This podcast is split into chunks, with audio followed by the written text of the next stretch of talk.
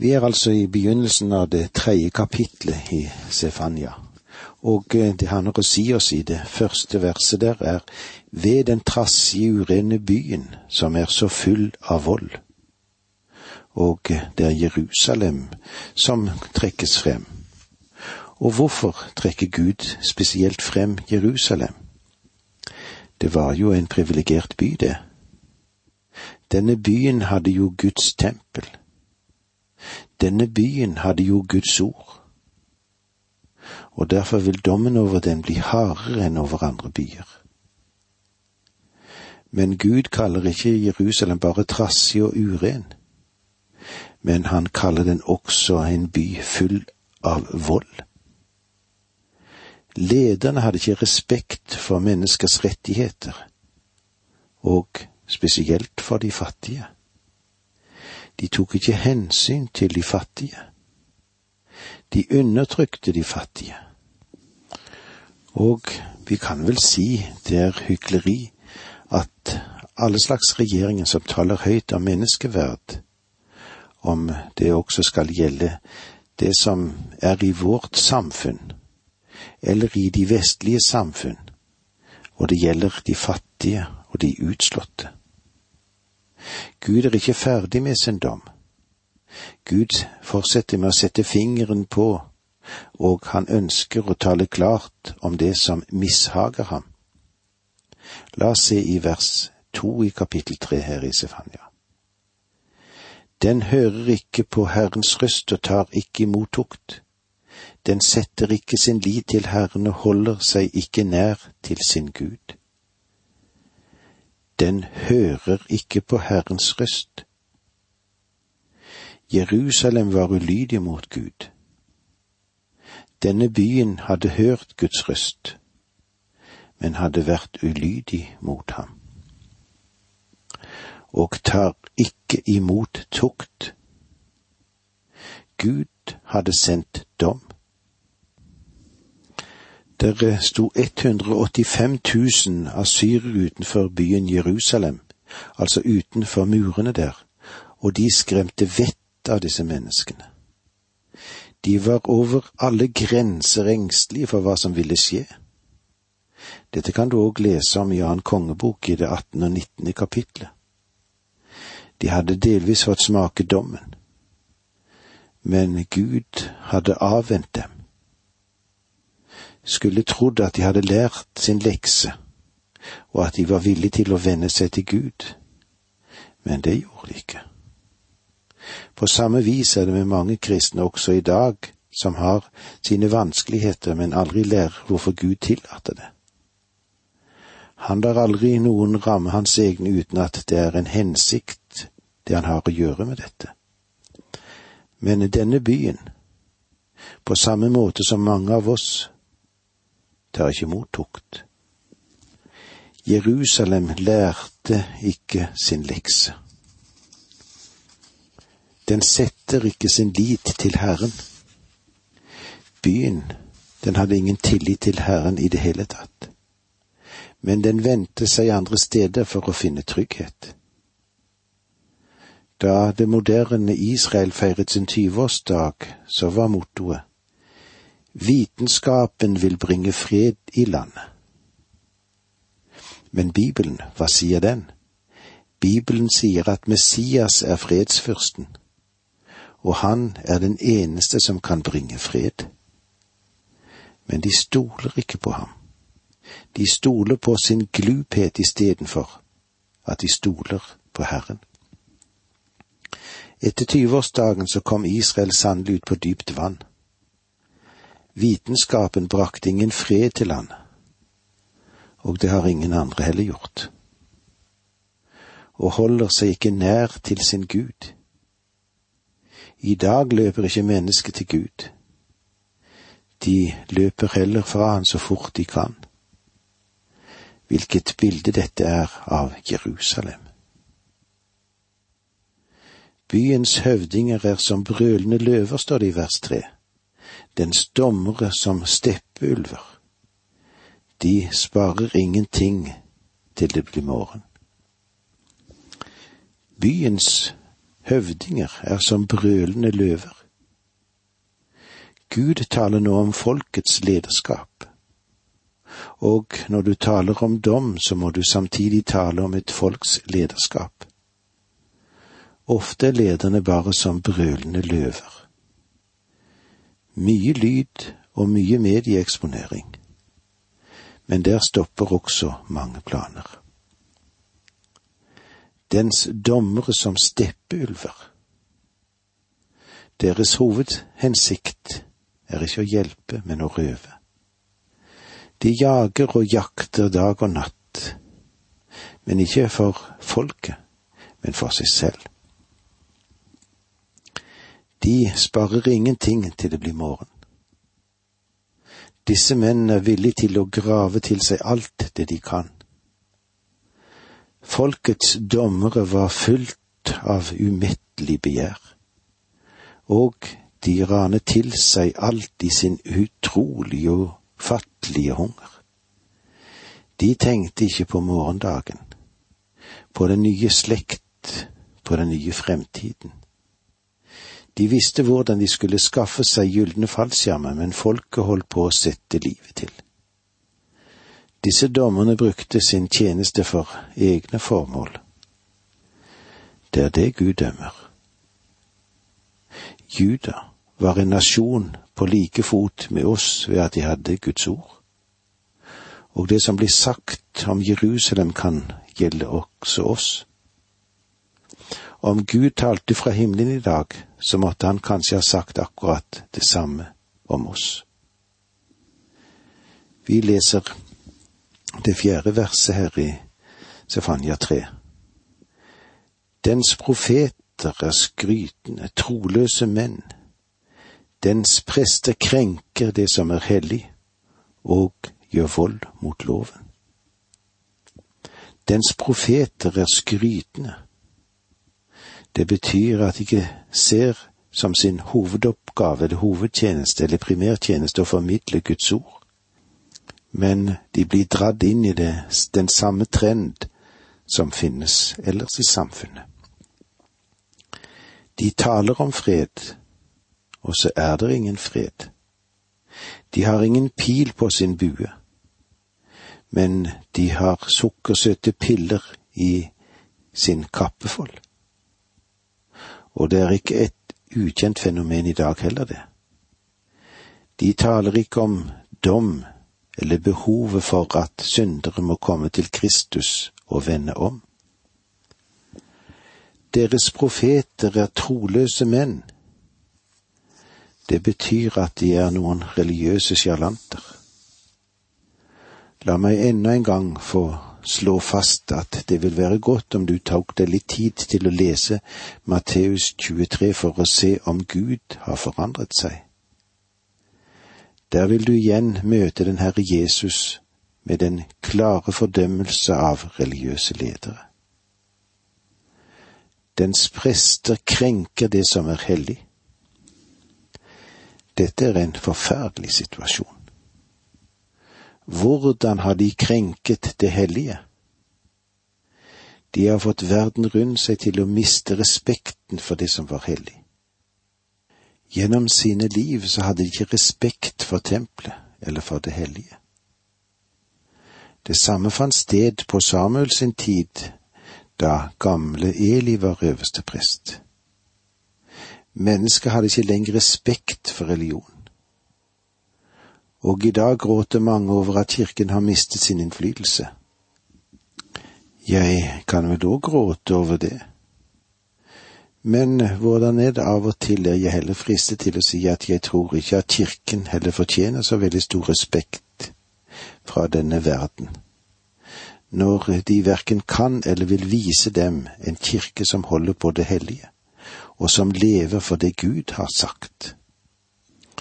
Det står videre i vers fire, å gjøre vold mot loven. Med andre ord tolket de den ikke rett.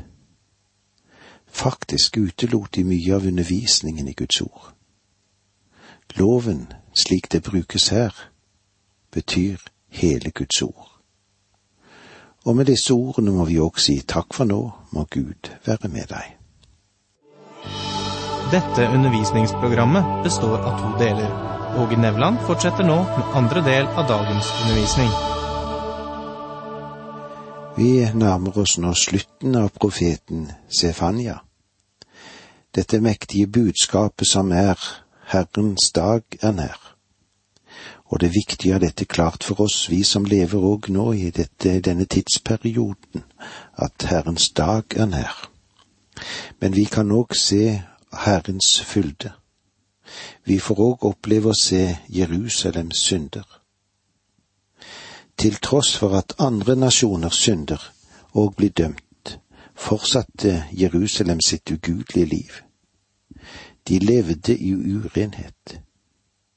De nektet å ta imot lærdommen som Gud hadde å gi, og de gikk bort ifra Gud. Men Gud, han bodde fremdeles i byen, og han hadde utvalgt seg byen. Hver eneste morgen appellerte Hans ånd til omvendelse og rettferdighet. Hos Hans trofaste skinte lyset fremdeles, men folk i alminnelighet, de ga ikke akt på det. Og så er spørsmålet hvordan er det med oss i dag? Gir vi akt på Guds ord, på det Han har å fortelle oss og gi oss? Og nå leser vi sammen ifra det tredje kapittelet i Sefanya, i det femte verset der. Herren rår med rettferd der. Han gjør ikke urett. Hver morgen feller han rettferdig dom. Den kommer like sikkert som lyset. Men ugjerningsmannen kjenner ikke til skam. Herren rår med rettferd der. Gud vil ikke gjøre det som er rundt. Det øyeblikk hans folk går på onde veier, og Gud ikke gjør noe, så virker det som om Gud godkjenner slikt. Men Gud sier at han har til hensikt å la dem få møte sin egen urettferdighet. Gud vil ikke gjøre urett. Hver morgen feller han en rettferdig dom, men ugjerningsmannen kjenner ikke skam. Den urettferdige fortsetter bare i sin synd og tar ikke sin, sitt liv og sin ferd opp til revisjon. Her finnes det ingen skamfølelse, men det vi ser er at synden er åpenbar, og den er en offentlig hemmelighet. Og nå, når vi kommer til versene seks og åtte, så får vi et bilde av den store trengsel som kommer i fremtiden. Herrens dag som Sefanya har talt om og fortalt oss. Sefanya beveger seg fra å tale om Jerusalem til å tale om nasjonen i verden, slik som det vil være i de siste dager. Dette er Harmageddon, som avsluttes med Kristi komme til jorden. Vi leser det sjette verset i kapittel tre. Jeg har utryddet folkeslag. Deres borgtårn ligger i grus. Jeg har lagt deres gater røde, så ingen ferdes på dem. Deres byer er herjet og folketomme. Ingen bor der lenger. Har eh, du noen gang gått rundt i ruiner av tidligere byer eller land? Hvordan det har opptatt deg? når ingen bor der lenger? Og hvordan var det i Filippi? Og hvordan var det i Neapolis? Den byen der Paulus ankret opp da han begynte sin misjonsgjerning i Europa. Når han kom dit, så var det nok store byer, og det var sikkert en aktivitet utenom det vanlige. Kan du tenke deg hvordan gatene var der? hvordan veiene og husene, hvordan det var bygd opp der som stridsvogner kunne komme seg frem, der hvor både hærer og handelsfolk hadde gått frem og tilbake, og så er det blitt øde. Det er ikke så mange turister kanskje som har dette blikket når de er inne i disse ruinene, og kanskje ser i det fengselet der Paulus og Silas satt. Hvordan er det nå? Det er øde der. Gud sier til oss, Jeg har lagt deres gater øde. Det er vanskelig å tenke seg at Oslo for eksempel kan bli lagt øde, men det kan den. Det er vanskelig å tro at New York eller London eller Tokyo kan legges øde, men det kommer de til å bli. Alle byer vil bli lagt øde. Jeg har lagt deres gater øde. Leser vi videre i dette tredje kapittelet og vers syv. Jeg sa, bare du ville frykte meg og ta imot lærdom, så skulle byens boliger ikke bli ødelagt, og aldri skulle den rammes av min straff. Men de syndet sent og tidlig og gjorde bare vondt. Advarslene om dom og det snev av dom som kom over dem, hadde ingen virkning. Det vil til det siste føre frem til Herrens dag, den avgjørende dommens time som kommer over jorden. Vers åtte Derfor, vent på meg, lyder ordet fra Herren, til jeg står fram som vitne mot dem. For det er min rett å samle folk og føre kongeriker sammen for å øse ut min harme over dem. All min brennende vrede. For i min brennende iver skal jeg fortære hele jorden. Det er forunderlig å tenke på, men ikke utenkelig, at den jord der du og jeg lever, der vi beveger oss, vi beveger oss mot en dom og mot en avvikling. Og selv om mennesker ikke tror det, så beveger slekten mot det siste oppgjør. Og det er den dom som trer i kraft når den Herre Jesus vender tilbake til jorden for å hente sin menighet. Da begynner den med den store trengsel, og slutter ved at han kommer for å opprette sitt rike på jorden. Vi går nå inn i den siste biten i det som Stefania har å si oss. All dom fjernes, og riket opprettes. Vi skal nå bevege oss fra mørke til lys og se på de velsignelser som Herren har under beredskap. Stormen, den er over når det gjelder det som vi har fått med oss ifra profeten Sefania. Boken den starter med mørke varsler og et drønn av dom. Den første del av dette kapitlet som har å gjøre med dommen over Jerusalem, er nesten skremmende lesning. Og det er skremmende når du nå kommer til det bildet av den store trengsel, da Gud skal dømme alle folkeslag.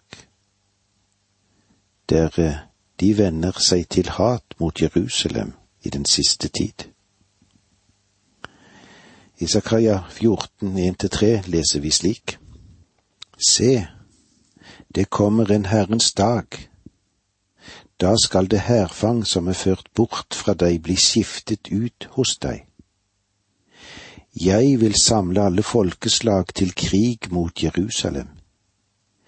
Byen skal bli tatt, husene blir plyndret, og kvinnene voldtatt. Halve byen må gå i landflyktighet, men resten av folket skal ikke utryddes fra byen. Herren selv skal dra ut og stride mot disse folkene som på stridens dag, den dagen han gikk til kamp. Vi har møtt to typer dom i Sefanias bok. Der møter vi Gud som dømmer sitt eget folk, som alltid er en tukt. For den Herren elsker, den tukter han, som det står i Hebrevbrevet 12,6. Med andre ord, han fostrer sine barn. Han disiplinerer dem. Og så må Gud dømme den vantro verden også, det er slik. Og det er dette bildet av dom som vi har foran oss i denne lille boken Sefanyas bok er som en tornado. Det kan kanskje òg sammenlignes med et nyttårsorkan, et jordskjelv, et vulkanutbrudd, knyttet sammen til ett. Når du leser denne boken, så kan du nesten tro at Gud hater sitt folk, og at han avskyr menneskeslekten slik som den er. Du kan nesten tro at han er hevngjerrig, at han er brutal og rå, at han er ufølsom og ubevegelig. Men la meg nå igjen få vende tilbake til historien som jeg trakk opp i introduksjonen, det som illustrerer Sefanias budskap. Det er historien om den mannen som tok den lille jenta si og styrtet av gårde i natten til sykehuset. Det er slik Herren vil ta omsorg for sine. Han vil hjelpe oss, han vil styrke oss, han vil bevare oss. Og med disse ordene sier vi takk for nå, må Gud være med deg.